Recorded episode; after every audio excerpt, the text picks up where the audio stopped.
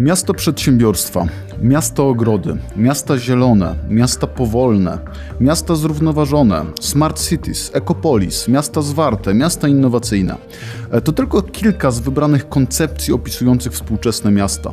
Naukowcy, samorządowcy i mieszkańcy od zawsze głowią się, jakie cechy powinno mieć modelowe miasto. Współcześnie jedną z najbardziej wpływowych koncepcji stało się miasto 15-minutowe. Powinno ono być zbudowane tak, aby mieszkaniec w ciągu 15 minut mógł dotrzeć do wszystkich potrzebnych obiektów, takich jak sklep, spożywczy, apteka, lekarz, siłownia, dom kultury itd. Tak itd. Według twórców koncepcji tak zbudowane miasto ma zapewniać silne wspólnoty lokalne, poprawiać stan zdrowia mieszkańców, być ekologicznymi oraz rozwijać lokalną gospodarkę. Ja nazywam się Karol Wałachowski i w dzisiejszym Międzymiastowo porozmawiam z Pawłem Hałatem, geografem oraz prezesem krakowskiego Stowarzyszenia Przestrzeń Ludzie Miasto, współautorem wydanego przez Centrum Polityk Publicznych UEK raportu pod tytułem Czy Kraków może stać się miastem 15-minutowym? Międzymiastowo. Podcast miejski Klubu Jagiellońskiego. Panie Pawle, e, miasto 15-minutowe. Czym ta koncepcja w ogóle różni się od innych? Ile jest w tym realnego spojrzenia na rozwój, a ile po prostu marketingu? Dzień dobry. Myślę, że tak jak w poprzednich koncepcjach, o którym Pan powiedział, e, ważne, żeby patrzeć na to nie jako pewien tylko chwyt marketingowy i jakby taką całościową, ogólną czy wszechogarniającą koncepcję, tylko wyciągnąć z tej koncepcji to, co jest w niej istotne. Po pierwsze, warto sobie uświadomić, że to wcale nie jest nic nowego, tak naprawdę. E, nasza nowa huta została zbudowana między innymi na podstawie wywodzonej z mniej pierwszej połowy XX wieku koncepcji jednostki sąsiedzkiej. Czyli właśnie takiego miasta, które w obrębie sąsiedztwa, tutaj znowuż nie przywiązywałbym się bardzo do tych 15 minut, bo czy to będzie 15 czy 20 minut, to nie jest aż takie istotne. Dla różnych usług e, te możliwości dojścia, bo ważne jest, że, żeby, że te 15 minut to powinno być realizowane oczywiście pieszo albo rowerem, e, a nie samochodem, a tylko w wyjątkowych sytuacjach raczej transportem publicznym. E, no więc y, właściwie Nowa Huta została zbudowana według takiej koncepcji i zresztą w tych naszych badaniach, y, jeżeli gdzieś mamy wskazać te e, części Krakowa, które funkcjonują mniej więcej według takiego, takiej logiki, czyli że można w kilkanaście minut dojść do wszelkich podstawowych usług, to jest e, Śródmieście i to jest właśnie Stara Nowa Huta, gdzie zaopatrzenie w tę większość usług jest bardzo dobre. E, więc jakby nie, e, nie przywiązywałbym do tego jakby takiej wagi, jako takiej etykietki, że nowa koncepcja, tylko postarałbym się raczej, e, żeby się zastanowić, o co właściwie w tym chodzi, jakie są cele takiego rozwoju miejskiego no, i skąd ono w ogóle wynika. No, po pierwsze, oczywiście z bardzo dużego wstrząsu, jaka była dla naszego funkcjonowania pandemia no i właśnie okazało się, że osoby, które mieszkają w takich e, lokalizacjach, które zapewniają dostęp e, bez konieczności używania samochodu, czy, czy zwłaszcza transportu publicznego, który wtedy też okazał się być dość problematyczny, e, no, no wygrywają po prostu. Wygodniej się żyje, nawet w tym właśnie zamknięciu można funkcjonować w miarę wygodnie. Po drugie, oczywiście to jest kwestia y, coraz większej świadomości wpływu, jakie nasze funkcjonowanie wywiera na środowisko, przede wszystkim właśnie transport. No i jedynym zeroemisyjnym transportem no to jest oczywiście transport pieszy lub rowerowy, czyli nie wymagający żadnego użycia energii.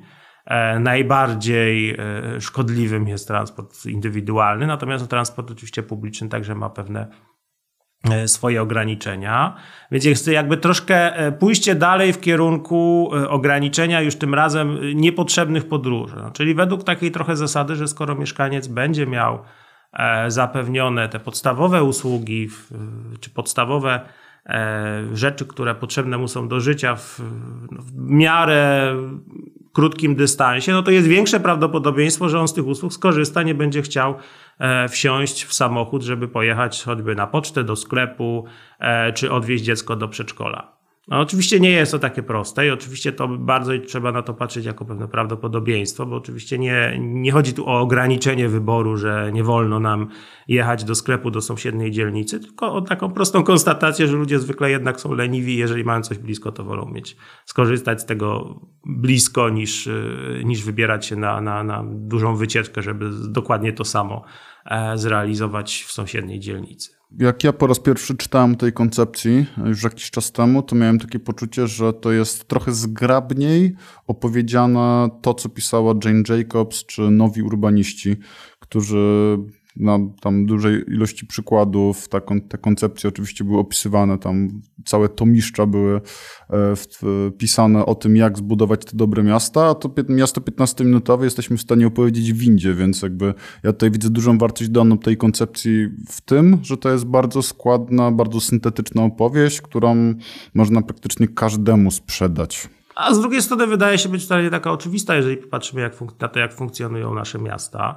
E, warto zauważyć, że pod tym względem Kraków jest takim dość e, dobrym miastem do realizacji, bo my mamy tak naprawdę e, My oczywiście mamy bardzo dużo samochodów w przeliczeniu na mieszkańca, często się powtarza, że więcej niż Berlin, natomiast my wcale tak bardzo z niego intensywnie nie korzystamy. No jednak pomimo to, że, że tak zwany modal split się nam zmienia niekorzystnie, czyli coraz jednak jest większy odsetek korzystających z samochodów, także dlatego, że jednak się mocno suburbanizujemy też i ten przepływ mieszkańców na przedmieścia Krakowa e, występuje, jest wciąż całkiem korzystny. No jest prawie 18% bodaj e, ruchu pieszego we wszystkich podróżach codziennych, przynajmniej w tych ostatnich badaniach ruchu, które były realizowane parę lat temu, czyli, czyli całkiem sporo, czyli jednak krakowianie lubią podróżować na piechotę, lubią chodzić.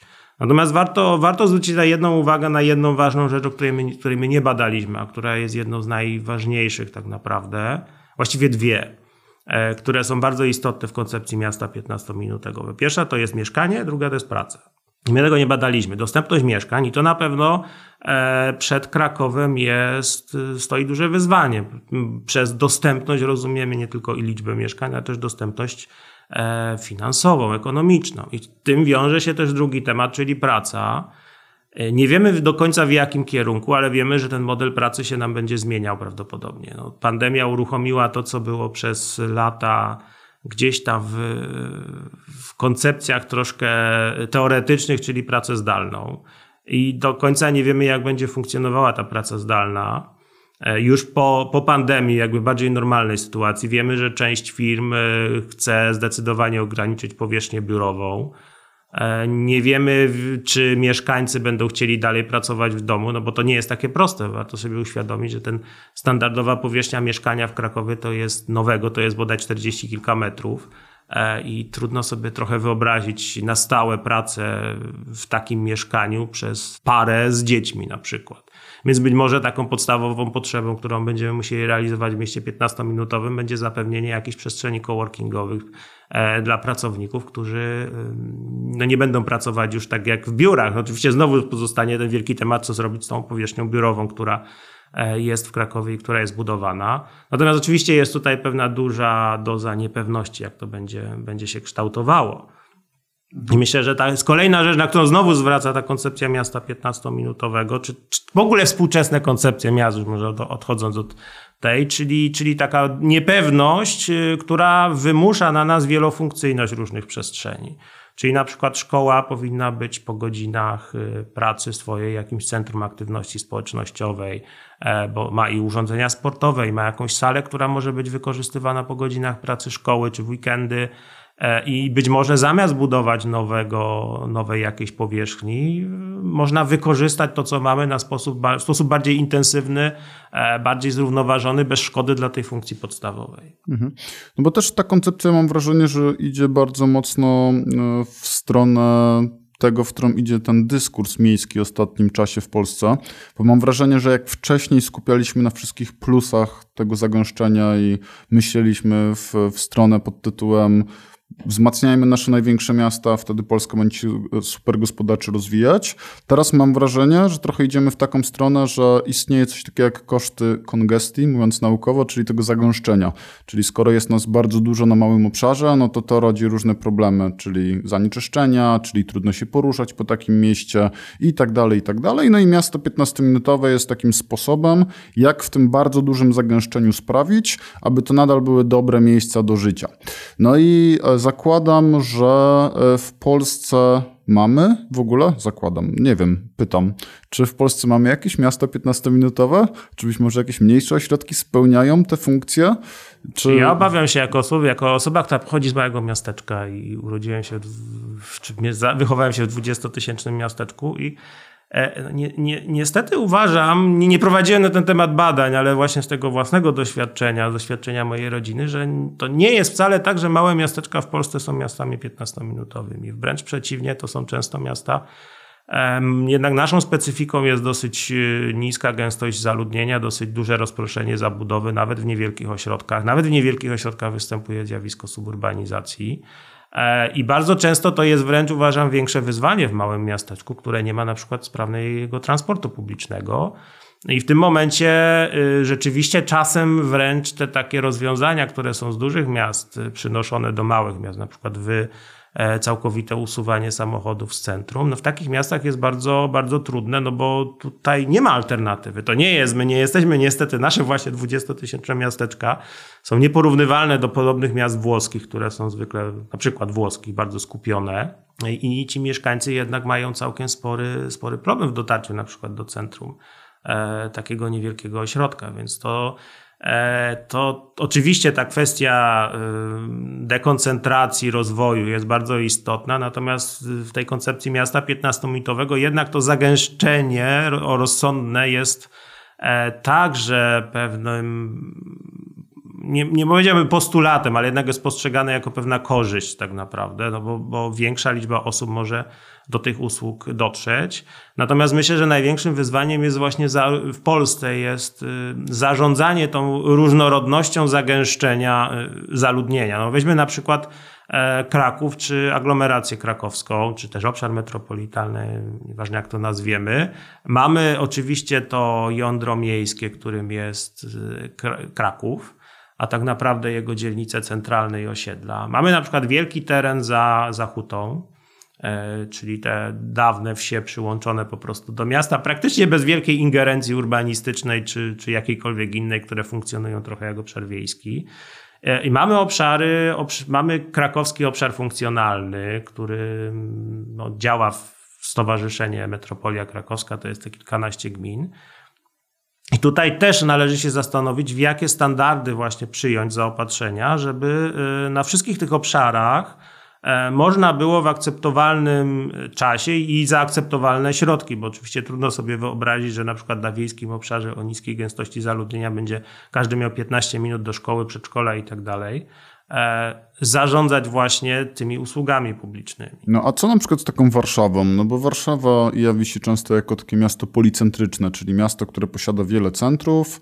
No i na przykład Joanna Erbel w swojej książce pisze o tym, że ona jako mieszkanka chyba Mokotowa, o ile się nie mylę, ona w ogóle nie musi do innych dzielnic się przedostawać, no bo właśnie e, ten stary Mokotów jest właśnie tą częścią miasta 15-minutowego, ona realizuje tam wszystkie funkcje, no i raz jak na jakiś czas musi jechać do centrum, to do ewentualnie realizować te funkcje wyższego rzędu, typu, nie wiem, jakaś opera, jakiś urząd i tak dalej, i tak dalej, ale generalnie mogłaby spędzić tam całe życie i nie pojechać dalej.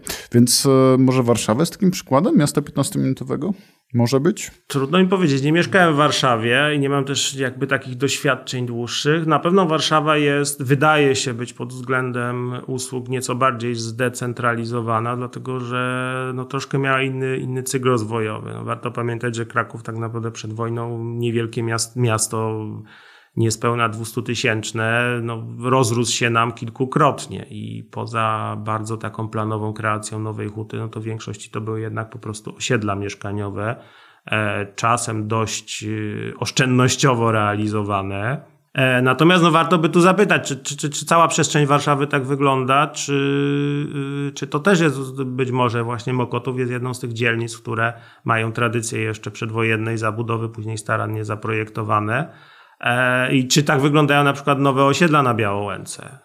Mam pewne wątpliwości. Natomiast druga rzecz, która e, jest ważna w przypadku miasta 15-minutowego, to zdanie sobie sprawę, że mieszkańcy są różni. I to, że ja mam takie potrzeby, e, autorka tam w Warszawie ma takie potrzeby, być może ktoś ma inne potrzeby i tych potrzeb w całości nie realizuje. My staraliśmy się w tym raporcie maksymalnie duży zakres tych usług uwzględnić, tak żeby jakby e, stworzyć takie, takie miasto dla możliwie dużej, dużego zróżnicowania potrzeb, czy, czy ten obszar wyznaczyć. E, natomiast zdajemy sobie sprawę i, i, to na tym długo dyskutowaliśmy, że to, to, to tak naprawdę dyskusja o mieście 15-minutowym powinna zacząć się od właśnie dyskusji z mieszkańcami, jakie te potrzeby powinny być realizowane w zakresie miasta 15-minutowego. Bo po pierwsze, mieszkańcy są różni, po drugie, te potrzeby się zmieniają.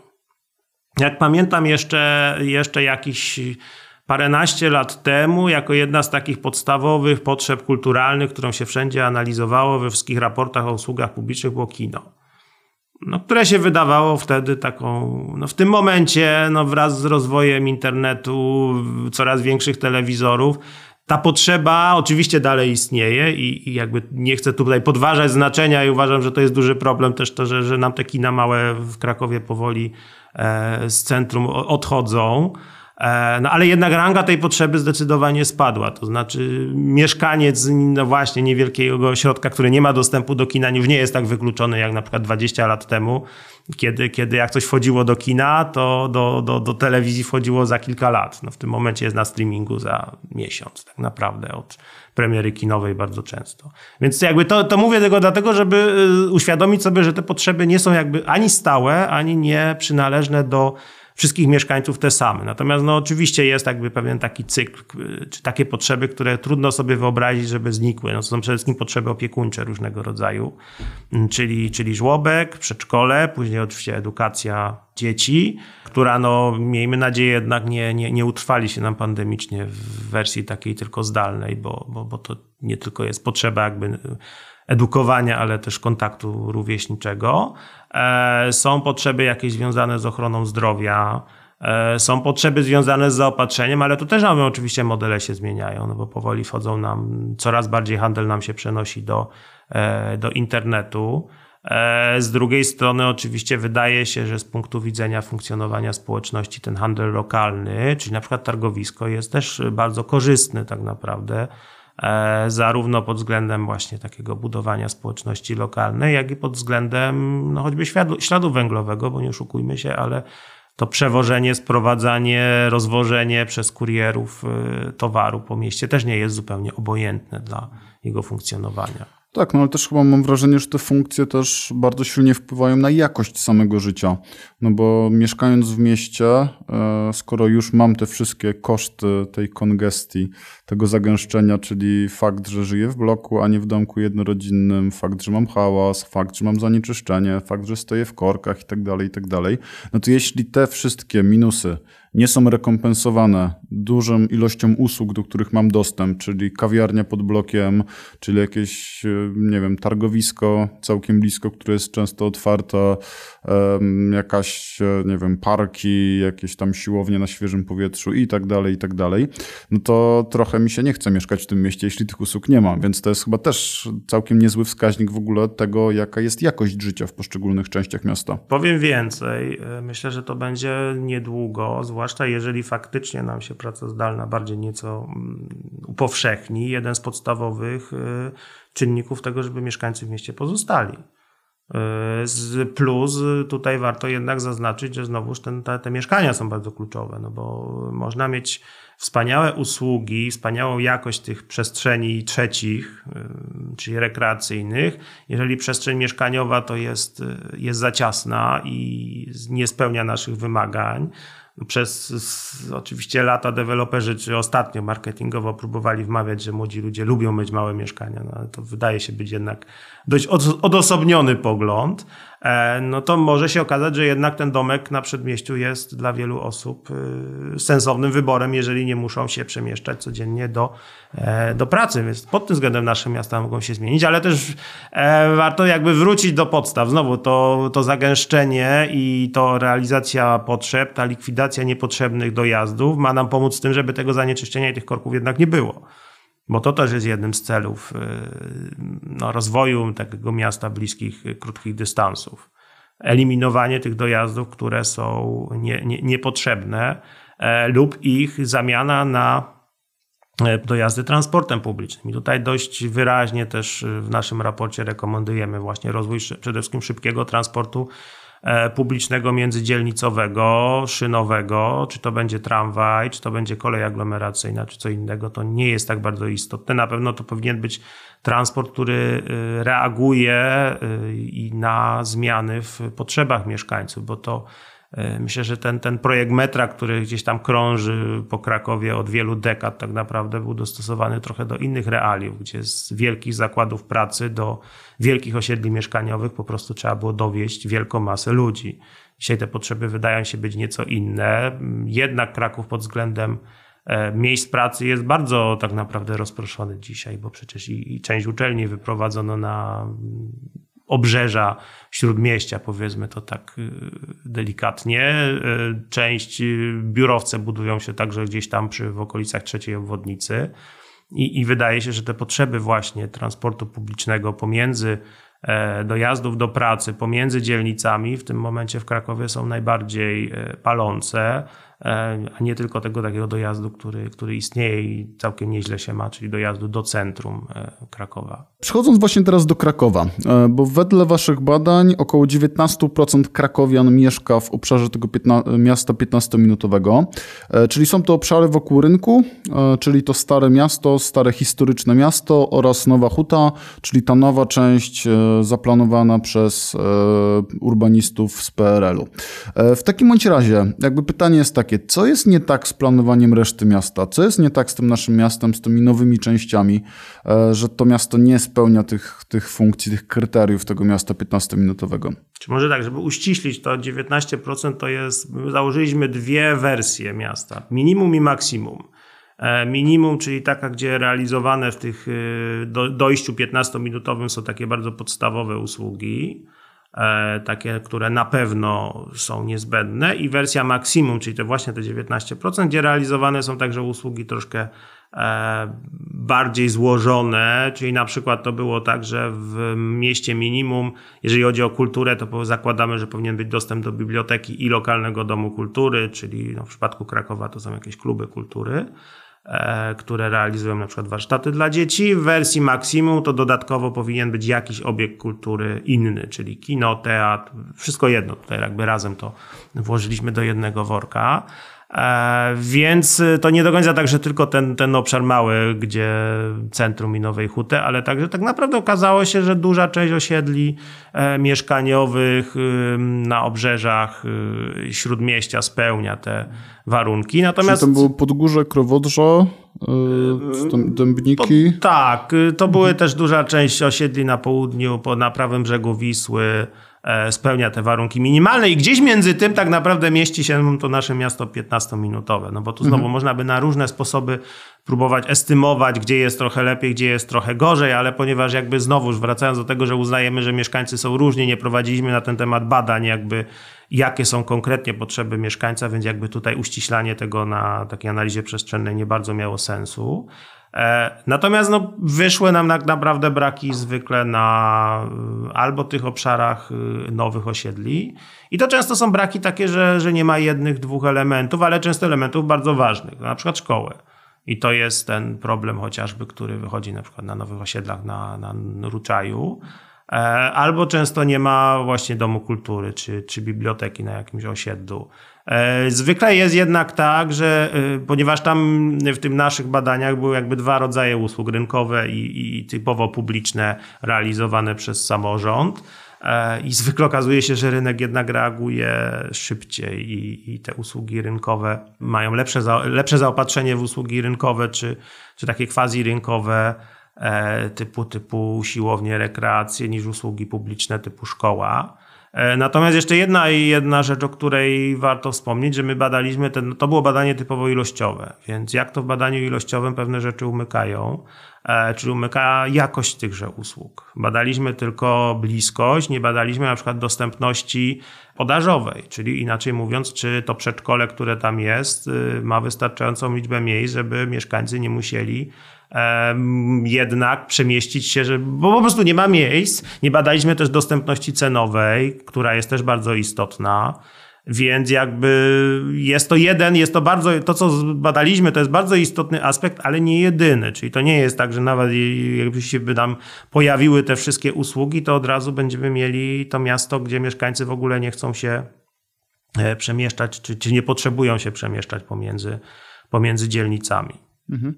To w takim razie wrócę do tego wątku. Mm, co, co się wydarzyło, że ta cała reszta miasta nie jest ta 15-minutowa? Czy to jest kolejne potwierdzenie tego, że planowanie przestrzenne w Polsce mocno kuleje? Czy to były jakieś błędy miasta?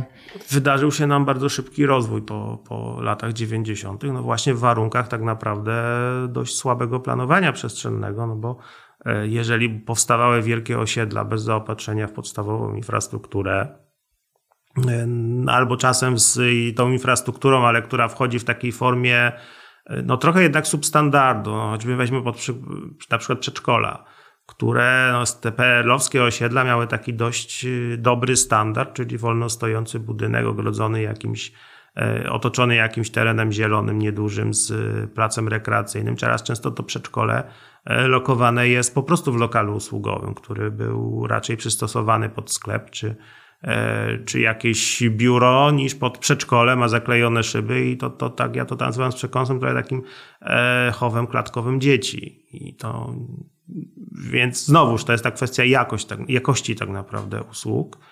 E, I, I tu na pewno jest, y, to na pewno ma związek z planowaniem przestrzennym. Druga rzecz, którą, która bardzo ważna jest w przypadku miasta 15-minutowego, to właśnie dla poruszania się pieszo.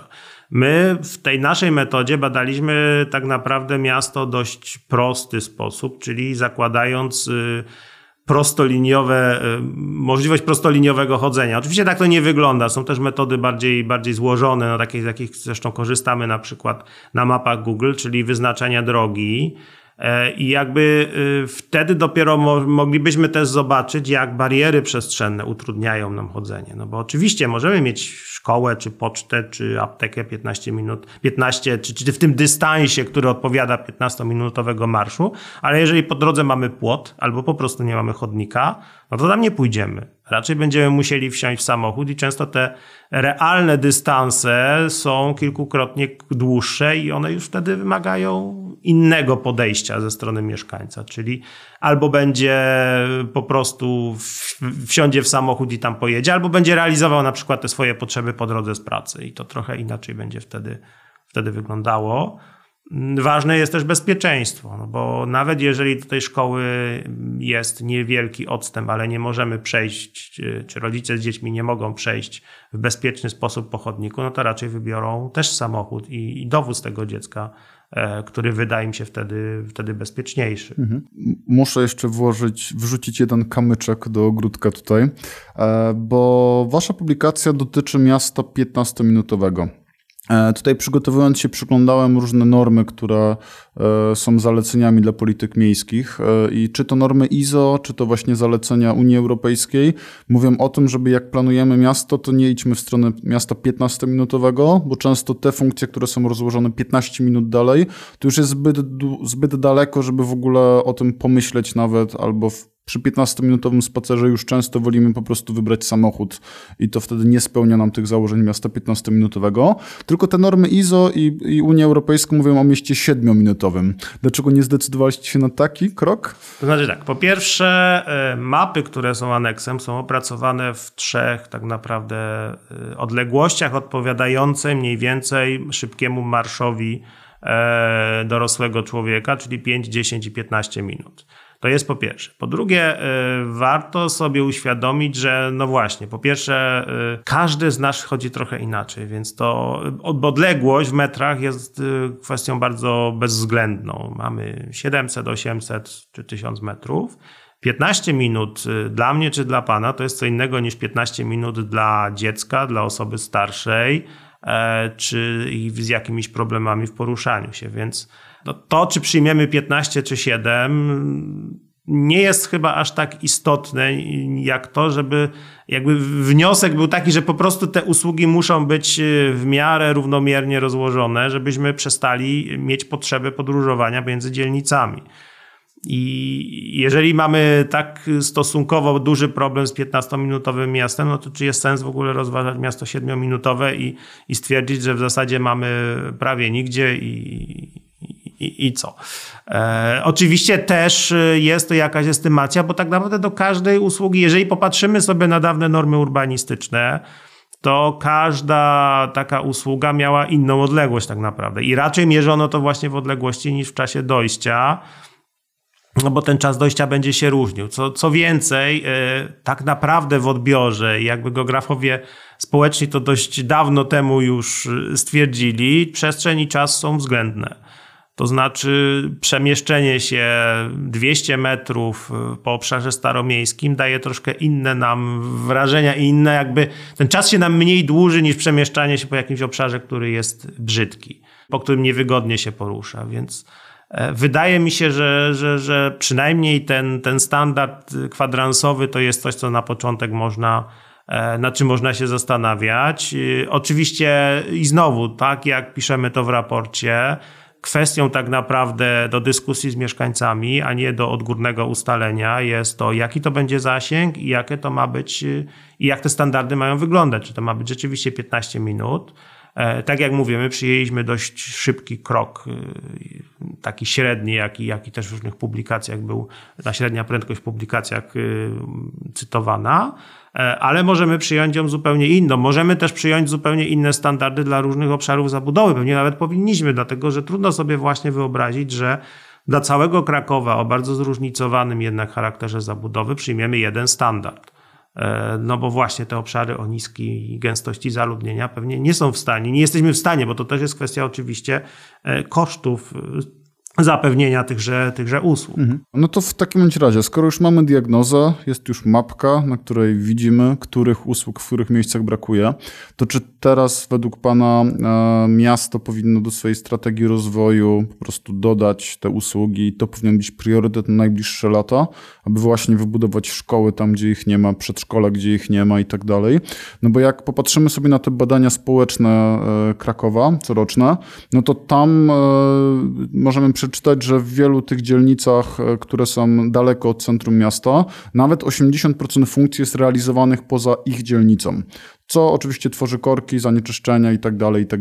To to pierwsze, co się narzuca w ogóle, e, pierwsza rzecz, która się narzuca, to jest to, że miasto powinno w takim razie te deficyty jak najszybciej e, jakoś tam pozbyć tych deficytów. Co więcej, to strategii rozwoju Krakowa jest. I my tak naprawdę, bo też w ramach raportu analizowaliśmy strategię i jej zapisy, i tak w takiej deklaratywnej formie, to oczywiście to zapewnienie równomiernego dostępu do usług jest, y, jest realizowane. Natomiast oczywiście problem jest y, e, w realizacji, problem jest właśnie w, być może także w tym, że miasto do końca nie analizuje, pomimo że ma narzędzia, bo te dane, z których ja korzystałem głównie sporządzając mapy z danych y, ogólnodostępnych, to były dane OpenStreetMap, to były dane, które miasto udostępnia w obserwatorium. To były też dane adresowe.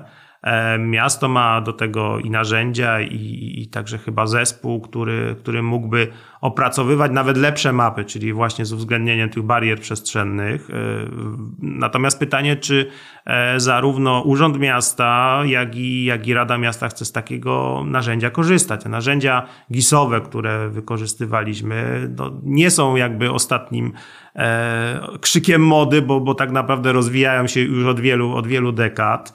E, natomiast wydaje się, że w projektowaniu polityk publicznych, nie tylko w Krakowie, one są zdecydowanie za słabo wykorzystywane.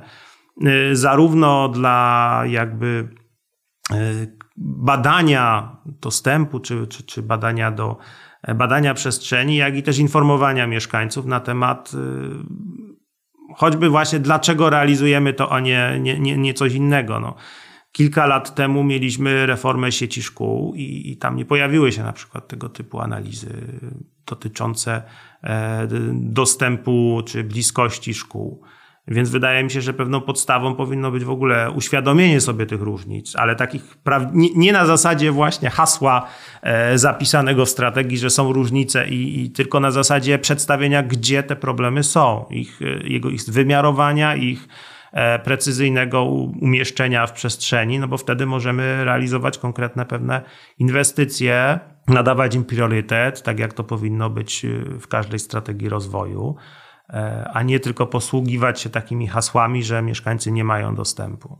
Myślę, że Państwa raport jest takim krokiem w dobrą stronę, więc e, życzyłbym sobie, żeby inne miasta też właśnie tego typu e, raporty przygotowywały. Akurat Warszawa jest chyba takim miastem, które ma bardzo dobry raport zrobiony na temat dostępności, bliskości usług publicznych. Nie, nie, lubię tego słowa dostępność, bo ono ma trochę inne znaczenie w geografii niż, niż, niż ta bliskość e, usług. Tak, więc dziękuję bardzo za dzisiejszy odcinek e, i do usłyszenia. Dziękuję bardzo.